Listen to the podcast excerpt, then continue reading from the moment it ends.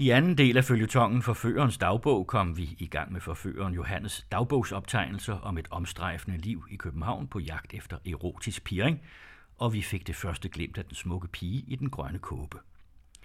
Her i tredje del skal vi høre om Johannes Forførerens vandren rundt i København for at få endnu et glimt af hende, som gjorde så uudsletteligt et indtryk på ham. Husk, at I ved at følge linket på hjemmesiden kan få teksten frem på skærmen sammen med noter og ordforklaringer. Jesper Christensen læser tredje del af Søren Kierkegaards Forførerens dagbog. Den 9. Er jeg blevet blind? Har sjælens indre øje tabt sin kraft? Jeg har set hende. Men det er som havde jeg set en himmelsk åbenbarelse, så aldeles af hendes billede er der forsvundet for mig. Forgæves opbyder jeg al min sjæls kraft for at fremtrylle dette billede. For jeg hende nogensinde at se igen, der vil jeg øjeblikkeligt, om hun stod mellem hundrede, kunne genkende hende. Nu er hun flygtet bort, og min sjæls øje søger forgæves at indhente hende med sin længsel. Jeg gik på lang linje, skødesløst til synlædende, og uden at agte på min omgivelse, skønt mit spejlende blik intet lod ubemærket, der faldt mit øje på hende. Det festede sig urokkeligt på hende. Det lystrede ikke mere sin herres vilje. Det var mig umuligt at foretage nogen bevægelse dermed, og ved denne at overskue den genstand, jeg ville se. Jeg så ikke. Jeg stirrede. Som en fægter, der bliver liggende i udfaldet, således blev mit øje uforandret, forstenet i den en gang antagende retning. Det var mig umuligt at slå det ned. Umuligt at trække det ind i mig selv. Umuligt at se, fordi jeg så alt for meget. Det eneste, jeg har beholdt tilbage, er, at hun havde en grøn kåbe på. Det er det hele. Det kan man kalde at fange skyen i stedet for Juno. Hun er jo sluppet fra mig, som Josef fra Potifars hustru, og har blot lavet sin kappe tilbage. Hun fuldtes med en gammelagtig dame, der så ud til at være hendes mor. Hende kan jeg beskrive fra top til to. Og det uagtet jeg egentlig ikke så på hende, men i det højeste en passant tog hende med. Således går det.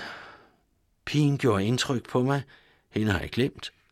Den anden har ikke gjort indtryk på mig. Hende kan jeg huske. Den 11. Endnu holdes mit sjæl bestandig hildet i den samme modsigelse. Jeg ved, jeg har set hende.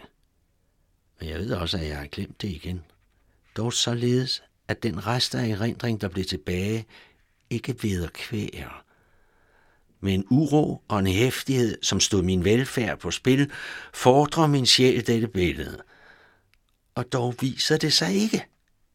Jeg kunne rive mit øje ud for at straffe det for sin glemsomhed når jeg da har raset i utålmodighed, når der bliver stillhed i mig. Der er det ligesom anelse og erindring vævet et billede, som dog ikke kan vinde skikkelse for mig, fordi jeg ikke kan få det til at stå stille i sammenhæng. Det er som et mønster i en fin væv. Mønstret er lysere end grunden. Alene kan det ikke ses. Dertil er det for lyst. Det er en besønderlig tilstand at være i og dog har den sin behagelighed, såvel i sig selv som også fordi den forvisser mig om, at jeg endnu er ung. Det kan også en anden betragtning lære mig, den nemlig, at jeg bestandig søger mit bytte blandt de unge piger, ikke blandt de unge koner. En kone har mindre natur, mere kokatteri. Forholdet til hende er ikke skønt, ikke interessant. Det er pikant, og det pikante er altid det sidste. Jeg havde ikke ventet, at jeg skulle være i stand til igen at smage denne forlibelsens første grøde. Jeg havde dukket under i forelskelse. Jeg har fået, hvad svømmerne kalder en gammel. Intet under, at jeg er lidt fortumlet. Desto bedre, desto mere lover jeg mig af dette forhold. Den 14. Næppe kender jeg mig selv. Mit sind bruser som et oprørt hav for lidenskabens storme. Der som en anden kunne se min sjæl i denne tilstand, ville det synes ham, at den som en jolle borede sig med spidsen ned i havet, som om den i sin redsomme fart måtte styre ned i afgrundens dyb. Han ser ikke, at oppe i masten sidder der en matros på udkig. Bruges op i vilde kræfter. Rører eder lidenskabens magter. Om eders bølgeslag ankaster skummet mod skyerne, I formå dog ikke at optårne eder over mit hoved. Jeg sidder rolig som klintekongen. Jeg kan næsten ikke finde fodfæste. Som en vandfugl søger jeg forgæves at nedlade mig i mit sinds oprørte hav. Og dog er et sådant oprør mit element. Jeg bygger derpå, ligesom Alkedo Ispida bygger rede på havet. De kalkunske haner bruser op, når de ser rødt. Således går det mig, når jeg ser grønt. Hver gang jeg ser en grøn kåbe, og da mit øje ofte bedrager mig, så strande stundom alle mine forventninger på en portør fra Frederiks Hospital. Den 20. Man må begrænse sig. Det er en hovedbetingelse for al nydelse. Det synes ikke, at jeg så snart skal få nogen oplysning om den pige, der udfylder min sjæl og al min tanke, således at savnet næres. Jeg vil nu forholde mig ganske roligt. Til også denne tilstand, den dunkle og ubestemte, men dog stærke rørelse, har sin sødme. Jeg har altid holdt af i en måneklar nat at ligge i en båd ude på en eller anden af vores dejlige indsøer.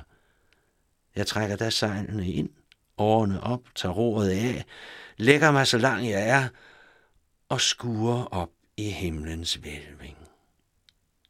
Når bølgerne vugge båden ved deres bryst, når skyerne drives stærkt for vinden, som månen et øjeblik forsvinder og der viser sig, så finder jeg ro i denne uro. Bølgernes bevægelse dysser mig, deres larmen mod båden er en ensformig vuggesang.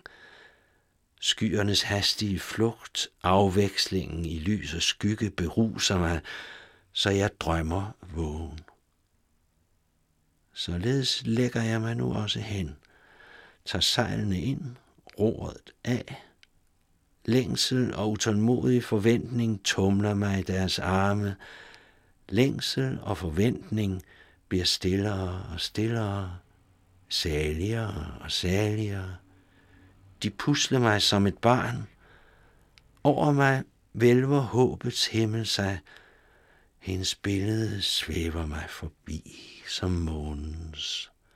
Ubestemt, snart blændende mig med sit lys, snart med sin skygge. Hvor meget nydelse i således at skvulpe på et bevæget vand. Hvor meget nydelse i at bevæges i sig selv. Den 21. Dagene går hen. Endnu er jeg lige nær. De unge piger glæder mig mere end nogensinde, og dog har jeg ikke lyst at nyde. Hende søger jeg overalt – det gør mig ofte ubillig, omtoger mit blik, enerverer min nydelse. Den kommer nu snart, den skønne tid, da man i det offentlige liv på gader og stræder opkøber små fordringer, som man om vinteren i selskabslivet lader sig dyrt nok betale. Til en ung pige kan glemme meget, men ikke en situation. Selskabslivet bringer en vel i berøring med det smukke køn, men det har ingen art, når man der skal begynde historien. I selskabslivet er enhver ung pige bevæbnet. Situationen fattig, og er der og er der forekommet. Hun får ingen vellystig rystelse. På gaden er hun i rumsø, og derfor virker alt stærkere, ligesom alt er gådefuldere. Jeg giver 100 ristaler for et smil af en ung pige i en gadesituation – ikke 10 ristaler for et håndtryk i et selskab, Det er aldeles forskellige møntsorter. Når historien er i gang, der søger man den pågældende i selskaberne. Man har en hemmelighedsfuld kommunikation med hende, der frister. Det er det virksomste incitament, jeg kender. Hun tør ikke tale derom, og dog tænker hun derpå. Hun ved ikke, om man har glemt det eller ikke. Snart leder man hende vild på en, snart på en anden måde. I år samler jeg nok ikke meget ind. Denne pige beskæftiger mig for meget. Mit udbytte bliver fattigt i en vis forstand. Men så har jeg jo udsigten til den store gevinst.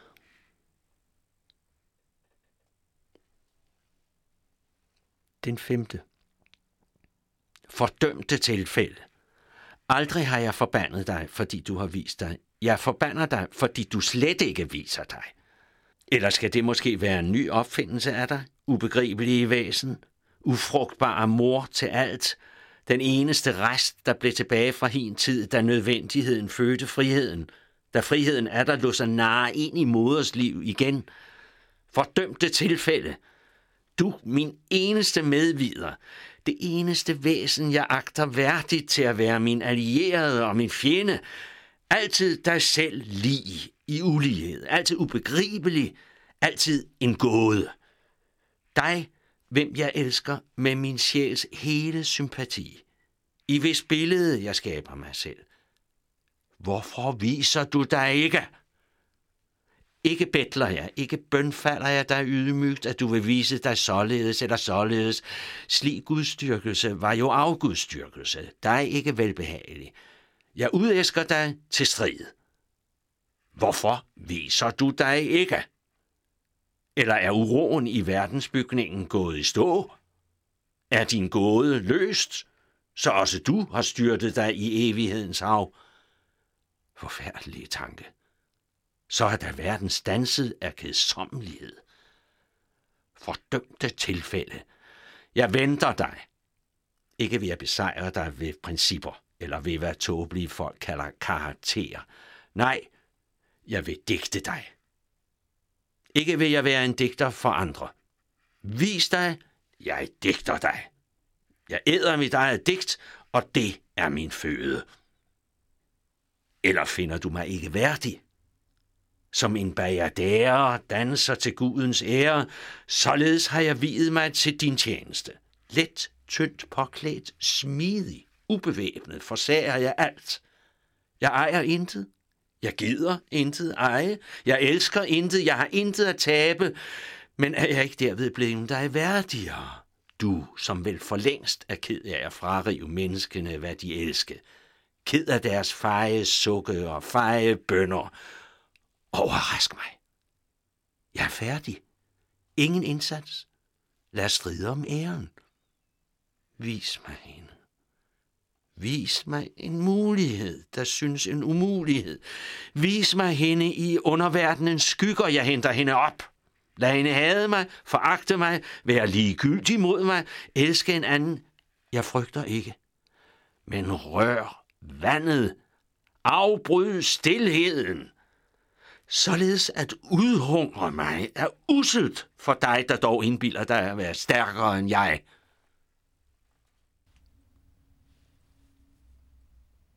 Den 6. maj. Foråret er for hånden. Alt springer ud, også de unge piger. Kåberne bliver lagt til side. Formodentlig er min grønne også hængt op. Det følger af at gøre en piges bekendtskab på gaden, ikke i selskab, hvor man straks får besked, hvad hun hedder, af hvilken familie hun er, hvor hun bor og om hun er forlovet. Det sidste er en højst vigtig oplysning for alle sindige og stadige friere, hvem det aldrig falder en at blive forelsket i en forlovet pige. Sådan en pasgænger ville da være i en dødelig vonde, hvis han var i mit sted – han ville aldeles være ødelagt, hvis hans bestræbelser for at skaffe oplysninger kronedes med held og med den tilgift, at hun var forlovet. Dette bekymrer mig imidlertid ikke stort. En forlovet er kun en komisk vanskelighed. Jeg frygter hverken komiske eller tragiske vanskeligheder. De eneste, jeg frygter, er de langvejlige. Endnu har jeg ikke tilvejebragt en eneste oplysning, og det uagtet jeg viselig intet har lavet uforsøgt, og mange gange følt sandheden af digterens ord, Nox et hiems longeque vie, sevique dolores, mollibus his castris et labor omnis inest. Måske hører hun slet ikke til her i byen. Måske er hun fra landet. Måske. Måske. Jeg kan blive rasende over alle disse moskéer. Og jo mere rasende jeg bliver, jo flere moskéer. Altid har jeg reddet penge liggende for at kunne tiltræde en rejse. Forgæves søger jeg hende i teatret, på koncerter, baller, promenader. Det glæder mig i en vis forstand. En ung pige, der deltager meget i sådanne forlystelser, er det i almindelighed ikke værd at erobre. Hun mangler som oftest den oprindelighed, der er bliver conditio sine qua non for mig. Det er ikke så ubegribeligt at finde en preciosa mellem cigøjnere, som på de trommesale, hvor unge piger faldbydes. I al uskyldighed, i Gud vares, hvor siger andet? Den 12. Ja, mit barn, hvorfor blev de ikke stående ganske roligt i porten? Det er aldeles ikke noget at opholde sig over, at en ung pige går ind i en port i regnvejr. Det gør jeg også, når jeg ingen paraply har, under tiden eh, endnu, når jeg har den, som nu for eksempel. Desuden vil jeg kunne nævne flere agtværdige damer, der ikke har taget betænkning at gøre det. Man forholder sig ganske roligt, vender ryggen til gaden, så kunne de forbigående ikke engang vide, om man står, eller om man er i færd med at gå op i huset. Derimod er det uforsigtigt at skjule sig bag porten, når denne står halv åben, fornemmelig for følgernes skyld, til jo mere man er skjult, desto ubehageligere at blive overrasket. Har man imidlertid skjult sig, så bliver man stående ganske stille, anbefalende sig til sin gode genius og alle engles varetægt. Især afholder man sig fra at titte ud, for at se om regnen ikke er forbi. Vil man nemlig forvisse sig derom, gør man et bestemt skridt frem og ser alvorligt på himlen. Når man derimod lidt nysgerrigt, forlegent, angst, usikkert stikker hovedet frem, hurtigt trækker det tilbage, så forstår en hvert barn denne bevægelse. Man kalder det at lege skjul. Og jeg, som altid er med i lejen, jeg skulle holde mig tilbage. Jeg skulle ikke svare, når der bliver spurgt. Tro ikke, at jeg nærer nogen fornærmende tanke om det. De havde ikke den fjerneste hensigt med at stikke hovedet frem. Det var den uskyldigste sag af verden. Til gengæld må de ikke fornærme mig i deres tanke. Det tåler mit gode navn og rygte ikke. Desuden var det dem, der begyndte. Jeg råder dem aldrig at tale til noget menneske om denne begivenhed. De har uretten på deres side. Hvad agter jeg at gøre andet end en hver kavaler vil gøre? Tilbyde dem min paraply? Hvor blev hun af? Ypperligt. Hun har skjult sig nede i portnerens dør. Det er en allerkæreste lille pige. Munter, fornøjet. Måske kunne de give mig oplysning om en ung dame, der i dette hellige øjeblik stak hovedet ud af denne port, åbenbart i forlegenhed for en paraply. Det er hende, jeg søger. Jeg og min paraply. De lærer. Tillader de måske, at jeg sender min tjener for at hente den i morgen, eller befaler de, at jeg skal bringe en vogn? Intet at takke for, det er kun en skyldig høflighed. Det er et af de gladeste pigebørn, jeg i lang tid har set. Hendes blik er så barnligt og dog så kægt. Hendes væsen så yndigt, så sædeligt, og dog er hun nysgerrig. Gå du med fred, mit barn. Der som der ikke var en grøn kåbe til, så kunne jeg vel have ønsket at stifte et nærmere bekendtskab. Hun går ned ad Stor Købmarkade. Hvor var hun skyldfri og tillidsfuld. Ikke sporsnærperi. Se, hvor let hun går. Hvor rask hun kaster med nakken. Den grønne kåbe fordrer selvfornægtelse. Den 15. Tak, gode tilfælde. Tag min tak. Rank var hun og stolt. Hemmelighedsfuld og tankerig var hun som en græn. Et skud, en tanke, der dybt fra jordens indre skyder op mod himlen. Uforklaret, sig selv uforklarlig. Et hele, som ikke har dele. Bøgen sætter krone, dens blade fortæller om, hvad der er foregået under den. Granen har ingen krone, ingen historie, sig selv gådefuld. Således var hun. Hun var sig selv skjult i sig selv. Selv steg hun op af sig selv. En hvilende stolthed var der i hende som granens dristige flugt, skønt den er navlet til jorden. Et vemod var der udgydt over hende, som skovduens kurn. En dyb længsel, som intet savnede. En gåde var hun, som gådefuldt ejede sin egen opløsning. En hemmelighed. Og hvad er alle diplomaters hemmeligheder mod denne? En gåde.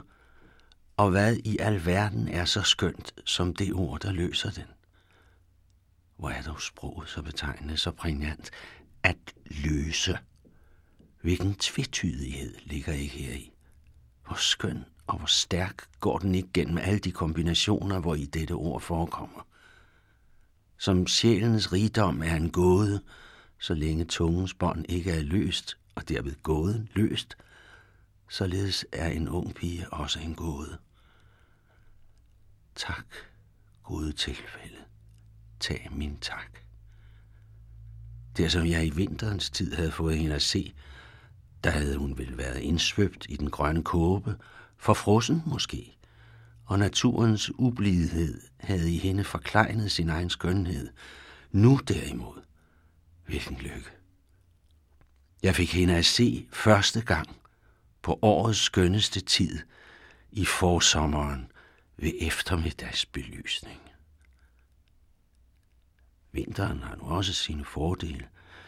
En brillant oplyst balsal kan vel være en flatterende omgivelse for en balklædt ung pige, men dels viser hun sig sjældent her aldeles til sin fordel, netop fordi alt opfordrer hende dertil. En opfordring, der hvad enten hun giver efter for den eller gør den modstand, virker forstyrrende. Dels minder alt om forgængelighed og forfængelighed og fremkalder en utålmodighed, der gør nydelsen mindre kvægende.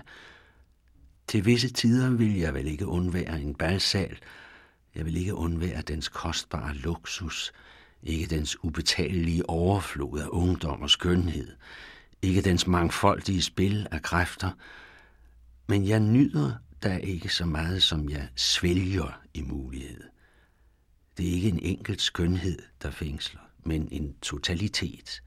Et drømmebillede svæver en forbi, hvor i alle disse kvindelige væsener konfigurerer sig mellem hinanden, og alle disse bevægelser søge noget, søge ro i et billede, som ikke ses. Det var på den sti, der ligger mellem Nørre og Østerport. Klokken var omtrent halv syv. Solen havde tabt sin magt. Kun erindringen om den bevaredes i et mildt skær, der udbredte sig over landskabet.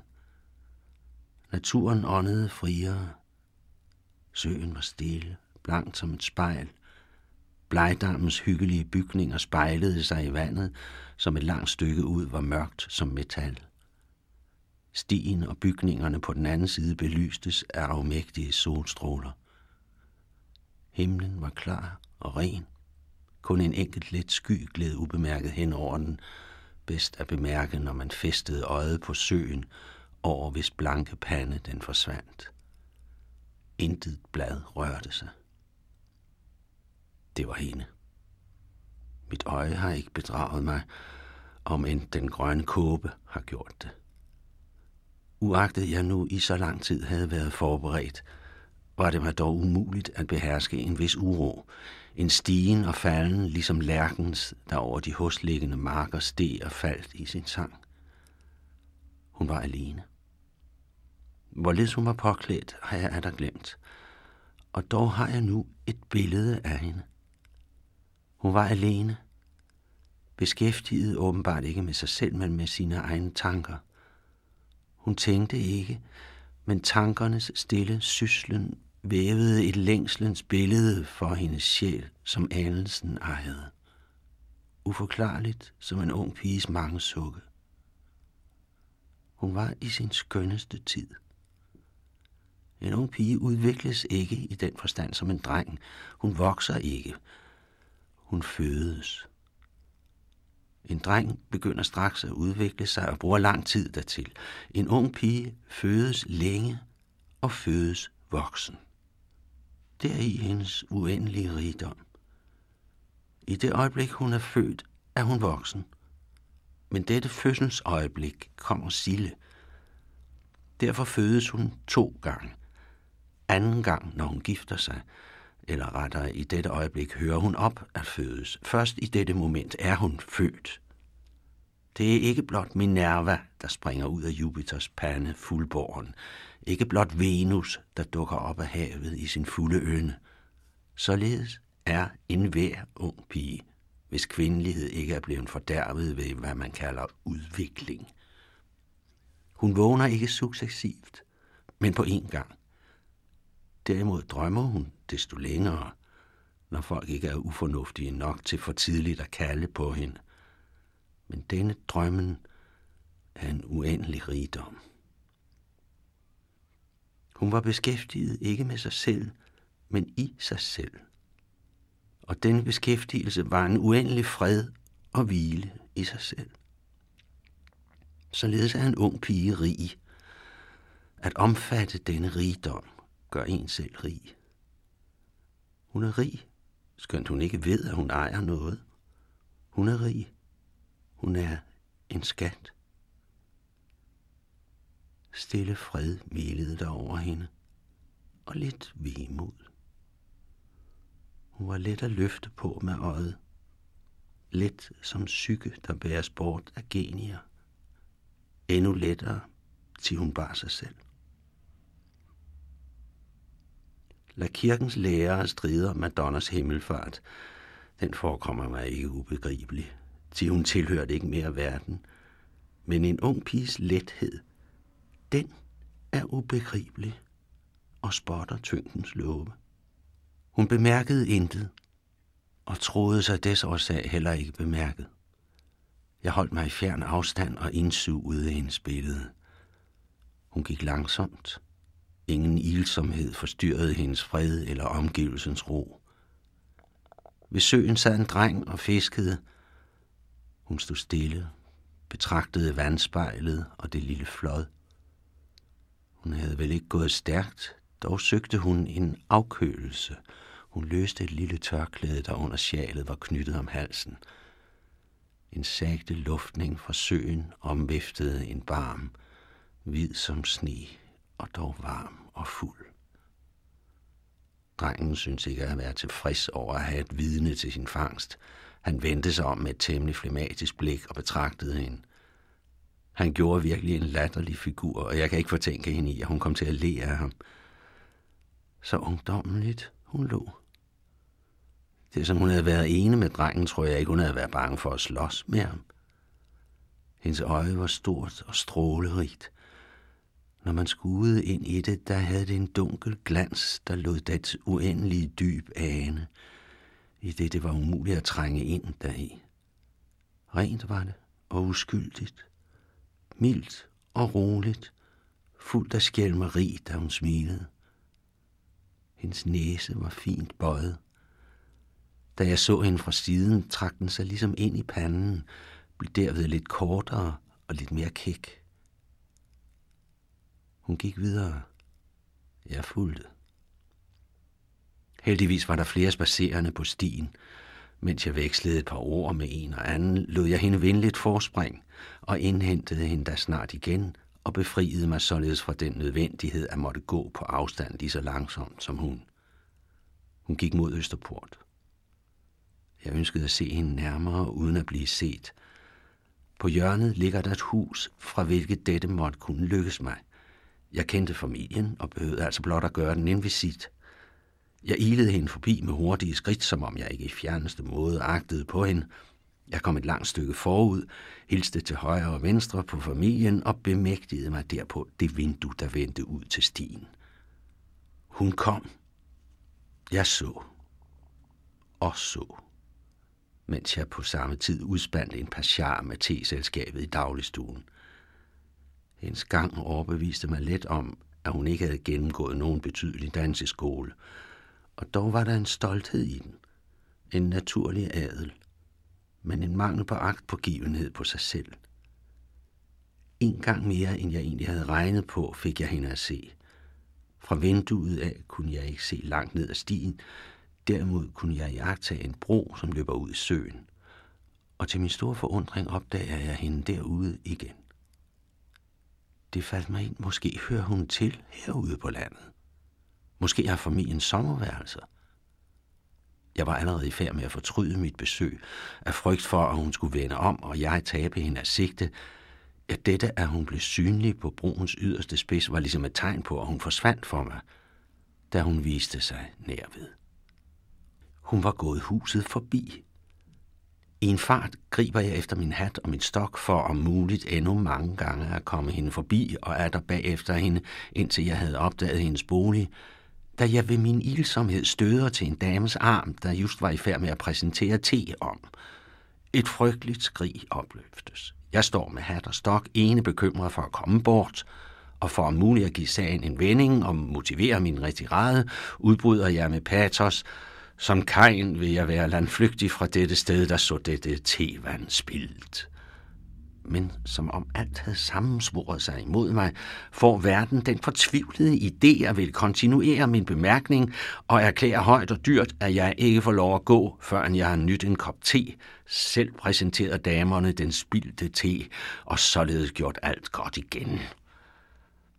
Da jeg holdt mig fuldkommen overbevist om, at min vært ville i nærværende tilfælde anse det for en høflighed at bruge vold, så var her intet andet for end at blive.